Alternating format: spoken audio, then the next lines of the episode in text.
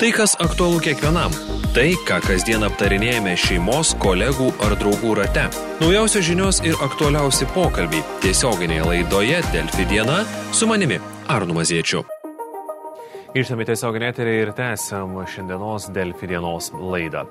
Tolimųjų reisų vairuotojai po truputėlį verslus iškelia į kitas šalis. Kodėl taip yra elgiamasi ir kiek pinigų neteks Lietuvos biudžetas bei kokius mokesčius iškeldami verslus jie turi susimokėti, kalbamės čia su studijos svečiais, tai Linavos generalinis sekretorius Mečislavas Atroškevičius, labadiena. Labadiena. Ir valstybinės mokesčių inspekcijos teisės departamento vyresnioji patarėja Alina Gaudutytė, labadiena. labadiena. Sekretoriu, kiek bendrovų persikėlė į kitas šalis ir kodėl? Tikslaus skaičius mes tikrai šiandien dienai neturim, bet jų jau gana nemažai. Šitas procesas nėra naujas, mes apie tai pradėjom kalbėti e, pernai nuo gegužės mėnesio, kaip atsirado visokiausių e, trukdžių, pavadinkim taip, mūsų verslui. Tai vežėjai pradėjo domėtis tuo, kaip galima būtų iškeltą verslą kur kelt ir tas procesas po biskį pajudėjo į priekį. Kur tas verslas iš tiesų yra iškeliamas ir ar iškeliama dalis verslo, ar visiškai perkeliama veikla? E, šiandien e, kol kas nepasakyčiau, kad e, iškeliamas verslas. Šiandien yra žvalgyba vykdoma. Pavyzdžiui, kiekviena įmonė registruoja kažkokią tai ūkio subjektą užsienį, įsigyja ten vieną kokį kitą vilkiką ir tiesiog daro tą tokį, sakykime, verslą ir, ir kūrė istoriją, kad po to galėtų gauti ten ir finansavimą, ir, ir susitvarko licencijas, kitus teisinius dalykus. Ir tai yra tik tai, sakykime, to proceso pati pradžia. Ar teisingai pasakysiu, kad didžioji dalis ieškančių naujų veiklos ne tai kad sričių, bet egzistavimo vietų yra Lenkija? Taip, nes daug arčiau pagal mūsų galbūt mentalitetą, daug patogiau, sakykime, nuvažiuoti, kažką tai susitart, susikalbėti ir, ir tiesiog, bet tai ne vienintelė vieta. Kur dar? Jau yra ir Vokietijoje, yra ir Niderlanduose, taip kad jeigu imti tos paskaičiavimas, kad centras, e, sakykime, visų tų krovinių pervežimų yra e, ties Vokietijos ir Prancūzijos pasienių, tai e, teoriškai kuo arčiau to centro yra būstinė, to, to verslo yra geriau. Bet kas yra tas pagrindinis faktorius, dėl ko na, prasidėjo tokie procesai? Verslo, didesnė. verslo sąlygos. Ir aš jau. Kas nuo gegužės jums pablogėjo? Iš esmės? Labai stiprų smūgį sudavė e, koficiento priėmimas 1,65, apie ką mes jau kalbėjom. Tai labai stipriai e, pajudino tą e, procesą. Bet aišku, visi laukia to mobilumo paketo. Ir dėl to mes savo ir valdžios atstovams nuolat kartuodavom, kad nereikia šiuo metu tokių sudėtingų, kada nėra dar sprendimų dėl mobil, galutinių sprendimų dėl mobilumo paketo, e, kad nedaryti, e, sakykime, kažkokių e, trūkdžių ir apsunkinimo verslui čia viduje. Ir kaip, jeigu galima tai pasakyti, vienys į tą karstą buvo vis dėlto tas spalio mėnesio vyriausybės nutarimas ir padidinimas koeficiento nuo 1,3 iki 1,65. Pane Gudutytė, ar vežėjai yra kuo nors išskirtinė mokesčių mokėtojų grupė jūsų akimis? Tikrai nėra. Jis yra tokia pat mokesčių mokėtoja kaip ir visos kitos. Mokesčių įstatymai galioja tie patys, jokių išskirtinių nėra. Taip, jų veikla gal yra specifinė, kadangi jie turi daug nu, komandiruočių, tai yra susijęs su vežimu ir ir keliauja, juda yra po visas šalis. Ir aišku, tos, tas komandiruočio nutarimo pakeitimas, kuris liečia, kaip pat ir minėjote, koeficientą 1,65, tai galbūt turėjo jiem įtakos, bet tai liečia visus kitus, absoliučiai nėra išimtis, kad tik vežėjai apskritai yra nustatyta nuo šių metų. Jeigu darbuotojo alga yra minimali ir padauginta iš 1,65, tai sudaro 1001 euro. Jei viršė ir daugiau, tai gali mokėti dienpinigių be jokio pribojimų. Nebus kažkokių mokesčių. Kiek priklauso pagal nutarimą, tiek ir gali. Bet jeigu yra alga mažesnė negu vat, nustatyta ta suma, tada yra dienpinigių apmokestinimas ribojamas. Leidžiama tik nedaugiau kaip 50 procentų. Visa kita, kas viršė dienpinigiai, komandiruoti pinigiai, tai yra apmokestinama gyventojų pajamų mokesčių. Ir aišku, kadangi reikia žinoti, kad jų verslas yra toks susijęs su važiavimu, tai tų dienpinigių ir tų komandiruočių yra labai daug. Ir aišku, didelė suma, e, tikriausiai darbo užmokestį ar priedė prie darbo užmokesčio sudaro tos išmokos. Vežėjai iškeldami savo veiklą privalo susimokėti pelno mokestį, taip? Taip, yra pakeistas nuo šių metų įsigaliojo pelno mokesčio statymo pakeitimas, kur išėjo taip turto išnešimo, išvežimo mokestis, turto perkelimo. Taip. Tai yra, aišku, ES direktyva, kur nustato kovos su mokesčio vengimo praktika, kuri tiesiogiai veikia vidaus rinką. Ir ta direktyva yra perkeliama, galutinis terminas yra nuo šių metų sausio pirmos ir visos ES valstybės, taip pat ir Lenkija, tą direktyvą yra įkėlę ir išėjimo mokestis galioja visur tikslas. Ar tai daug atsieina? Sunku dabar pasakyti, jis įsigaliojo nuo šių metų, tai reiškia, čia esmė yra tame, kad verslas vykdė čia, turėjo turtą. Na ir dabar tą turtą aš perkelsiu į užsienio šalį ir ten pradėsiu veikti ir tas turtas uždirbs pajamas kitoje šalyje ir bus kitoje šalyje mokama. Tai reiškia, čia sukurtas tas verslas su tuo turtu, jeigu išeina perkeliamas, reikia, aišku, pelno mokestį sumokėti. Pelno mokestis pas mus yra 15, nebent įmonė yra smulkiai ir jai nustatytas 5 procentų tarifas, tai gal bet taip yra 15 procentų tarifas. Tai yra toks vienkartinis perkelių, perkelių savo. Jeigu, aišku, svetimam parduodu, tai yra paprastas pirkimas pardavimas. Aš galiu turtą parduoti vienai įmonė, kitai užsienio šaliai. Tai yra normalus pirkimas pardavimas.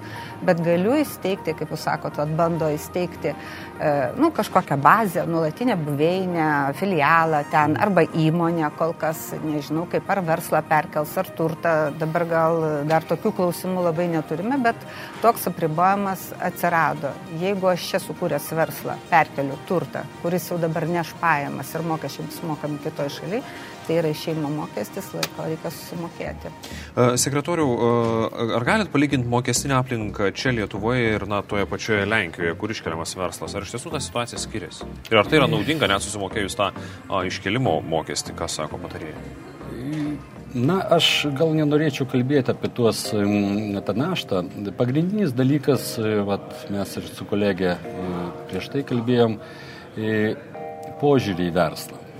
Ir dažnai klausia, kodėl jūs ten eina. Tai aš pasakyčiau taip. Na, bet požiūris vis tiek remiasi į kaštus, taip, dėl to aš ir klausiu, ar ta mokestinė aplinka. Pagrindinis dalykas yra taip.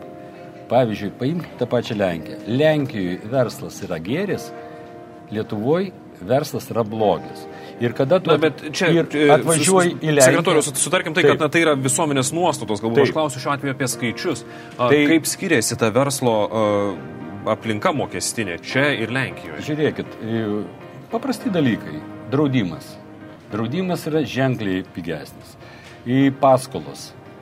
Ženkliai, ne tiek, kad ir pigesnis, bet ir jų gavimas yra paprastesnis. Mūsų įmonės, kurios pernai įsikėlę ten su vienu, su dviem vilkikais, jie atvažiuoja ir su jais pas juos ateina, sakykime, banko atstovai, į tas pačias seninijas, su jais e, kalbasi, jiems siūlo paramą, jiems siūlo, e, reiškia, e, e, tos e, paskolas.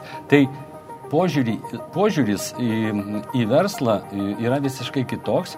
Ir, e, tarkime, dėl e, to pa, iš, iškelimo. Mes, e, kad jūs suprastumėt, mes tikrai už tai, kad mokėt mokesčius. Ir jeigu reiks sumokėti mokesčius, tai tikrai mūsų verslininkai sumokės tos mokesčius, bet jeigu jie nusprendė išeiti, jie vis tiek išeis. Nes ten... Jūsų mokės... tie 15 procentų, kaip ir sakė ponė Lina, nesustabdo. Ne, tikrai ne. Bet aš noriu pasakyti, kad čia yra toksai šiek tiek primityvus požiūris į tą verslo iškelimą. Verslas išeina, išeis kitokiu būdu. Vat kaip pavyzdys, mes jau turim skaičius, kad 3000 vilkikų, kurie turėjo būti šiemet registruoti Lietuvoje, tai reiškia, jie ateina, jie jau ateis ir bus registruojami tiesiai ten.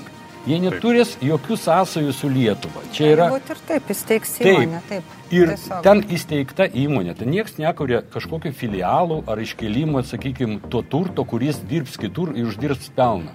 Bus naujos įmonės ir tos įmonės, pavyzdžiui, tie patys 3000 vilkikų jau bus registruoti Lenkijoje. Vienas vilkikas mūsų skaičiavimais atneša suneša į Lietuvos biudžetą apie 8 tūkstančius eurų įvairių pavydalų, įvairių mokesčių pavydalų per metus. Reiškia, galim paprastai paskaičiuoti, 3 tūkstančiai negautų pajamų, tai yra apie 24 milijonai, Lietuva negaus vien tik tai iš to, sakykime, kad neužregistruos naujų vilkikų. Pas mus specifika darbo yra tokia, kad tie, kurie dirba Europoje, daugmaž kas 3 metai, 4 metai atnaujina parką. Tai nebus taip, kad šiandien tie vilkikai bus iškelti iš Lietuvos ir kažkur tai užregistruoti iš karto taip per vieną dieną, bet natūraliai tas procesas vyks per metus, per du. Tiesiog čia tas verslas. Aš suprantu, bet iš tiesų, kas sės prie tų vilkikų vairo jos iškėlus, jūs atminit tuos 3000 vilkikų? Tie patys vairuotojai, kurie dirbo čia. Bet ar galima na, nujausti, kad lietuvių bus įdarbinama vis mažiau? Tai ir šiuo metu lietuvių yra mažai įdarbinama. Labai daug įdarbinama iš trečių šalių. Tik tai man labai gaila ir keista, kad valstybė nesupranta nuolat, kad transporto sektorius, vat, ką kolegė sakė, dirba užsienį. Mes važiuojam užsienį kažkur tai svetimoje šalyje, uždirbam pajamas ir atvežam tas pajamas į Lietuvą. Valstybės einamosios sąskaitos balansas nuo to yra teigiamas. Mes vykdom paslaugų eksportą ir kiekviena šalis kovoja už tai, kad kuo daugiau prekių ir paslaugų eksportuoti. Ir mes šiandien pjaunam tą šaką, ant kurios sėdim. Faktiškai po metų, po dviejų mes, reiškia, eksportuojamų paslaugų kiekis mažės. Patrėja, kiek tokiais atvejais šalies biudžetas negaus pajamų? Manau, jeigu, nes čia kalbama apie verslo iškelimą, tai savaime suprantama, net jeigu ir įsteigs užsienį įmonę, kad, sakykime, ten registruos keletą vilkikų, jie pradės veiklą, apsižiūrės, vis tiek po truputį vis dėlto išeis. Čia mažins apimtis, tenai didins. Vadinasi, tikrai neteksim pelno mokesčio. Ir aišku, dar gyventojų pajamų mokesčio, jeigu, nes moka gyventojų pajamų mokestį ten, kur yra buveinė, ten, kur yra įmonė, kur šaltinis, o šaltinis bus mokamas darbo užmokesčio ten. Tai aišku, neteksim tokių mokesčių. A, bet ar valstybinė mokesčių inspekcija turi duomenų dėl sunkvežimius vairuojančių darbuotojų mokamų mokesčių ir jų skaičius? Ar jų daug yra? Didelė dalis sumokama GPM ir kitų mokesčių, o galbūt, na nežinau, jaučiama šešėlinė dalis didelė? E, tai kaip ir minėjom, tai vis dėlto vežėjam yra mokami, alga nėra tokia didelė, minimali, gal šiek tiek ir daugiau. Jie viską gauna per dienpinigius.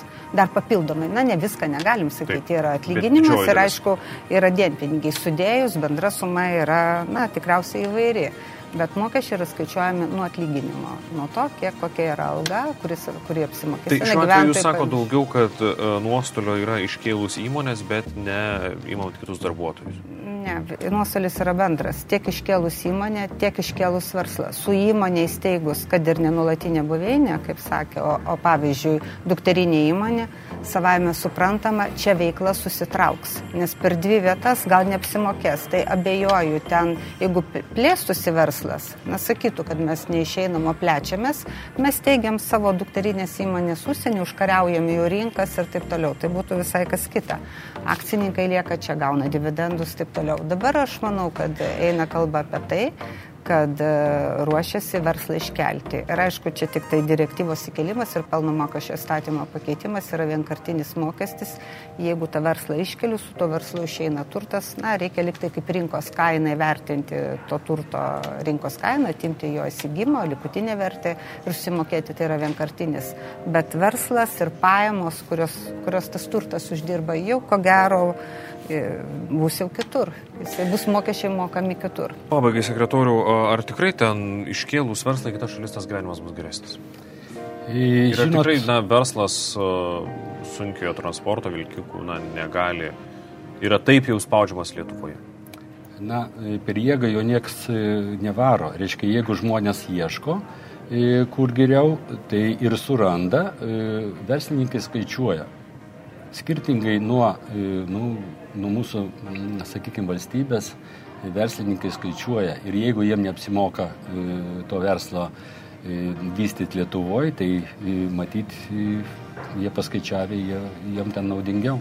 Bet kas turėtų vykti, kad tie verslai grįžtų atgal? Turi keistis požiūris į verslą ir valstybė užuot, sakykime, spaudusi, užuot šantažavusi, užuot, sakykime, sudar, sudariusi tokias blogas sąlygas, tas sąlygas vis dėlto reikia gerinti. Mes turim suprasti, kad nebus verslo, nebus nieko, Kurias nebus sąlygas, mokesčių. Kurios na, sąlygos jums yra blogiausios, nežinau, trys sąlygos. E, Koficiento padidinimas, na, Koeficiento daugiau padidinimas. darbuotojai. Mes šiandien, Mobilumo me- paketas dar mes, nepriimtas. šiandien, ma- mes šiandien girdim e, labai nuogastavimus didelius, kad jau iškart einama prie to, kad norima, sakykime, uždrausti neapmokamo atostogų kiekį, dydį. Tai aišku, ats, atskiros temos e, e, kalba, bet, bet ir tokių, e, tokių sakykime, pavyzdžių yra tikrai nemažai, patikrinimai nuolat eina, dabar darbo inspekcija. E, Nu, į verslą žiūrima pagal tų, sakykime, dalį e, vežėjų, kurie yra pažeidėjai galbūt. Ir tokių mes e, tikrai turim, bet jie konkuruoja ir su mūsų, kaip būtent tais nariais, sažiningais verslininkais. Ir mes tikrai ne prieš, kad, kad tie blogiečiai būtų baudžiami, bet daryti visą šaką, kaip dabar kalbama, kad visi tokie blogiečiai ir, ir, ir visi vagės ir nemoka mokesčių, tai aš tikrai su to nenorėčiau Bet sutikti. aš nelabai sutinku. Vis dėlto mes matome, verslas ir taisos, ir moka mokesčius, ir teikia deklaracijas, ir tikrai paslaugas tengiamės atlikti kokybiškas, laikų patrauklės. Pas mus lengvai įsiregistruoti, išsiregistruoti, tapti PVM mokėtojų, gauti PVM kodą, jokių nėra problemų, atsakymus, konsultacijas. Kad taip jau sakyti, man atrodo, tai yra truputį gal jau praėjęs laikotarpis, sakyti, kad jau visi neigiamai žiūri verslą. Iš verslo gyvena valstybė, surenka mokesčius, biudžetas yra taip, kad jis yra prisideda Bet prie viso. iš kad tiesų, jūsų būtų- akimis, valstybinės mokesčių inspekcijos akimis, ar vežėjai verslas yra na, padidintos rizikos ar ne? Na, nepasakyčiau, kad padidintos. Viskas eina tikrai šešėlio, tokio mes nematom, nes e, užsakymai yra oficialūs, gauna iš užsienio pajamas, rodo, e, kad jie e, tikrai gal naudojasi tom, kad yra dienpinigiai, bet jiem ir priklauso. Na, yra planavimas, yra skaičiavimas, galbūt e, kažkokios, nežinau, gal kitos dar priežastys yra. Užsakymai dažniausiai vis tiek yra tų visų paslaugų iš užsienio šalių, iš Lenkijos ten, jeigu prie Vokietijos sienos dar arčiau nuvažiuoti negu iš mūsų, na, gal yra čia kažkokių dar problemų, bet e, šiaip mokestinė aplinka ir paslaugos ir valstybės požiūris, kad verslą vis enktų ir taip, nežinau, nesiskaitytų, tai gal jau yra truputį geriau, aš padau, bet nežinau, mes visokių Trumpai. Aš turim. trumpai norėčiau pritarti, nes dažnai mus kaltina, kad mes esam šešėlinė kažkokia ekonomika. Tai va tikrai per tą, klausiam jo, ne, ne, tai per tą, tą dešimtmetį, per paskutinį galbūt dešimtmetį, iš tikrųjų užsakymai gaunami. Nėra skaidresnio verslo, aš pasakyčiau, kaip tarptautinis pervežimas. Yra vaštaraščiai, yra dokumentai, yra pavedimai, viskas yra oficialu. Vienu žodžiu, kiekvienam žingsnė yra viskas užfiksuota ir mūsų tikrinti labai paprasta. Taip. Kągi, ačiū visą laiką, kad atvykot pas mus šiandien į laidą ir ačiū visiems žiūrėjusiems. Klausyk, Delfi.